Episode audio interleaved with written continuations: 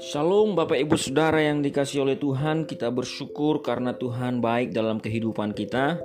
Bapak Ibu Saudara pada saat hari ini kita kembali merenungkan firman Tuhan.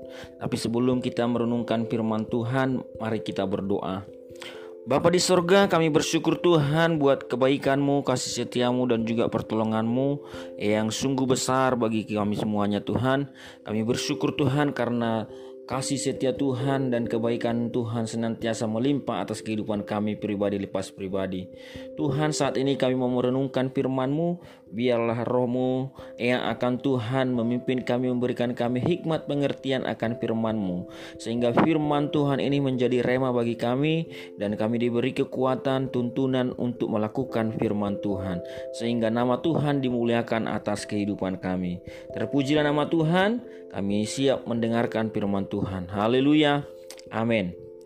Bapak Ibu Saudara yang terkasih, pada saat ini kita akan merenungkan kembali firman Tuhan dari kitab Esra pasal yang ke-9 ayat 1 sampai ayatnya yang ke-15.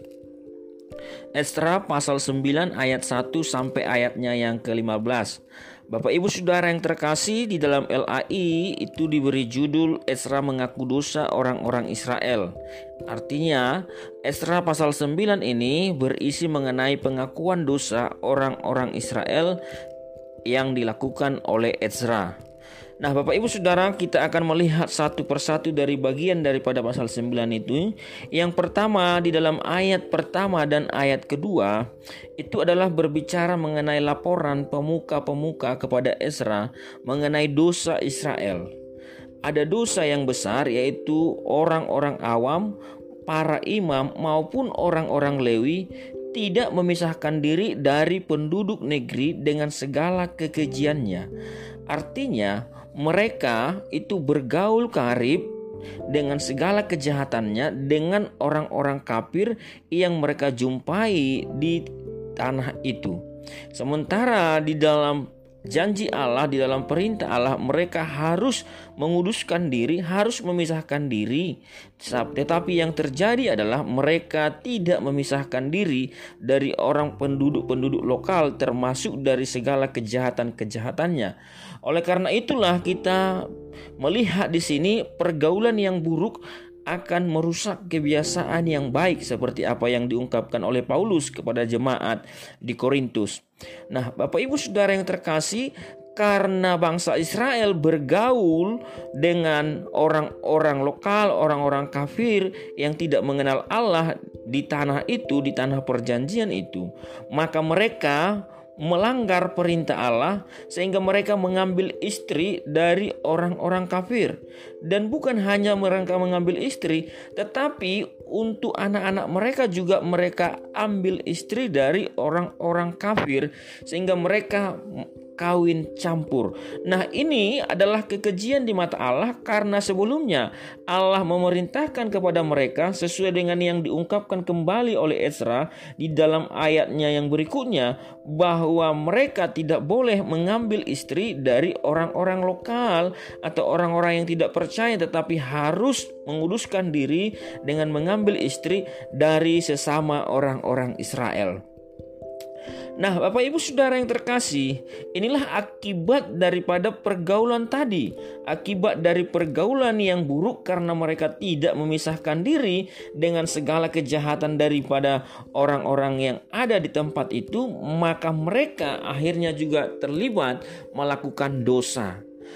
Oleh karena itu, orang-orang yang dekat dengan kita akan mempengaruhi kita, Bapak Ibu Saudara. Nah, dan yang lebih lagi Bapak Ibu Saudara disebut di situ bahwa penguasalah yang terlebih dahulu melakukan perbuatan-perbuatan itu. Bahwa mereka yang menjadi imam-imam, yang menjadi orang Lewi bahkan penguasa-penguasa, merekalah yang terlebih dahulu melakukan perbuatan tidak setia itu. Nah, kalau kita mengingat peribahasa Bapak Ibu Saudara, ikan busuk mulai daripada kepala. Artinya Bapak Ibu Saudara, kalau pemimpinnya sudah busuk, apalagi orang yang dipimpin, Bapak Ibu Saudara. Ada peribahasa mengatakan uh, guru kencing berdiri, murid kencing berlari. Artinya, kalau pemimpinnya itu jahat, maka akan jauh lebih jahat lagi orang yang dipimpinnya. Akan jauh lebih buruk lagi orang yang dipimpinnya. Nah, Bapak Ibu Saudara, bagaimana dengan kita ini menjadi dosa besar di bangsa itu?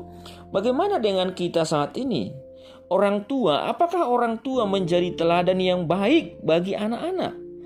atau yang melakukan dosa terlebih dahulu adalah justru orang tua. Sehingga ketika orang tua ingin menasehati, maka anak-anak tidak akan mendengarkan. Salah satu contoh yang sederhana Bapak Ibu Saudara, orang tua menasehati anak-anak supaya tidak merokok, tapi orang tua merokok maka itu adalah sesuatu yang mustahil. Orang tua menasihati supaya anak-anak pergi ke gereja, sementara orang tua tidak pergi ke gereja. Itu adalah sesuatu yang mustahil, karena segala sesuatu seharusnya pemimpinlah yang memulai. Tetapi ini menjadi masalah karena pemimpin yang memulai hal-hal yang tidak berkenan kepada Tuhan. Mari kita sebagai pemimpin, sebagai orang tua mengoreksi diri kita masing-masing Bapak Ibu Saudara. Nah, itulah hal yang kita pelajari dari ayat 1 dan 2. Nah, dari berikutnya Bapak Ibu Saudara, kita bisa melihat di dalam ayat 3 dikatakan bahwa waktu Ezra mendengar, waktu Ezra mendengar itu di dalam ayat 3, maka Ezra mengoyakkan pakaiannya dan juga jubahnya dan mencabut rambut kepalanya dan jangkutnya dan duduklah tertegun. Lalu dia berdoa Bapak Ibu Saudara.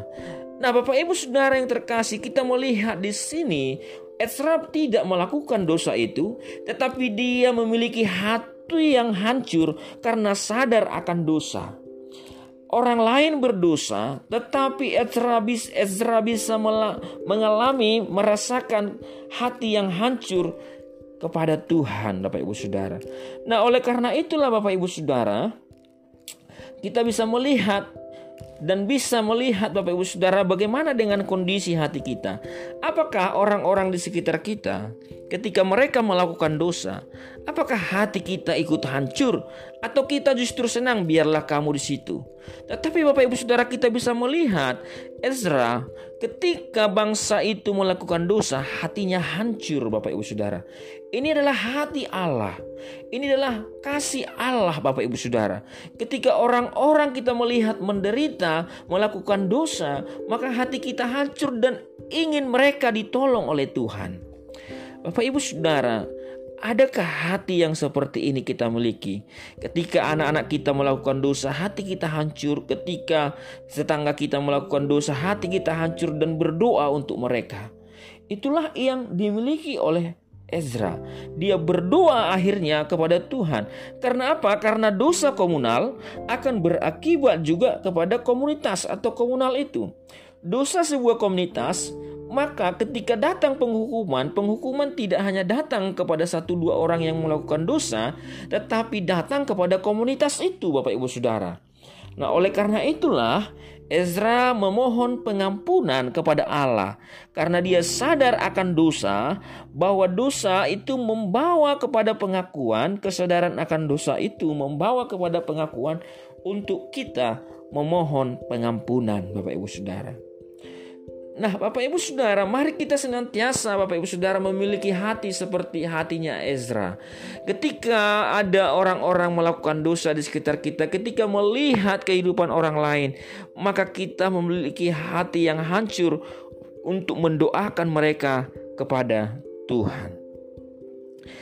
Yang berikutnya Bapak Ibu Saudara, yang keempat di dalam ayat 4 dikatakan, lalu berkumpullah kepadaku semua orang yang gemetar karena firman Allah Israel. Jadi berkumpullah semua orang yang gemetar karena firman artinya Bapak Ibu Saudara, semua orang yang tidak ikut kawin campur, semua orang yang masih hidup benar itu berkumpul dengan Ezra.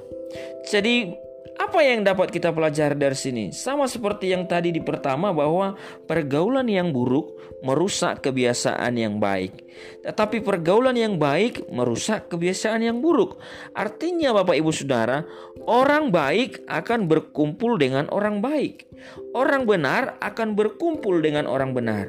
orang jahat akan berkumpul dengan orang jahat.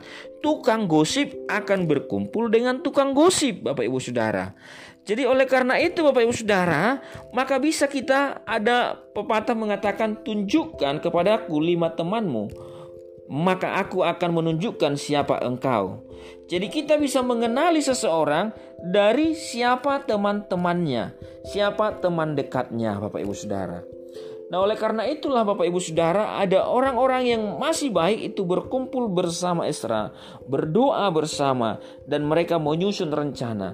Dan kemudian pada akhirnya di ayat 10, maka mereka memutuskan memanggil bangsa itu bahwa setiap orang yang mengambil istri dari bangsa lain, dari bangsa-bangsa kafir harus dipisahkan, harus ditinggalkan baik mereka yang sudah punya anak itu menjadi keputusan mereka untuk menguduskan bangsa itu sesuai dengan firman Tuhan. Kemudian Bapak Ibu Saudara yang terakhir kita bisa melihat konsep daripada pengenalan Ezra akan Allah.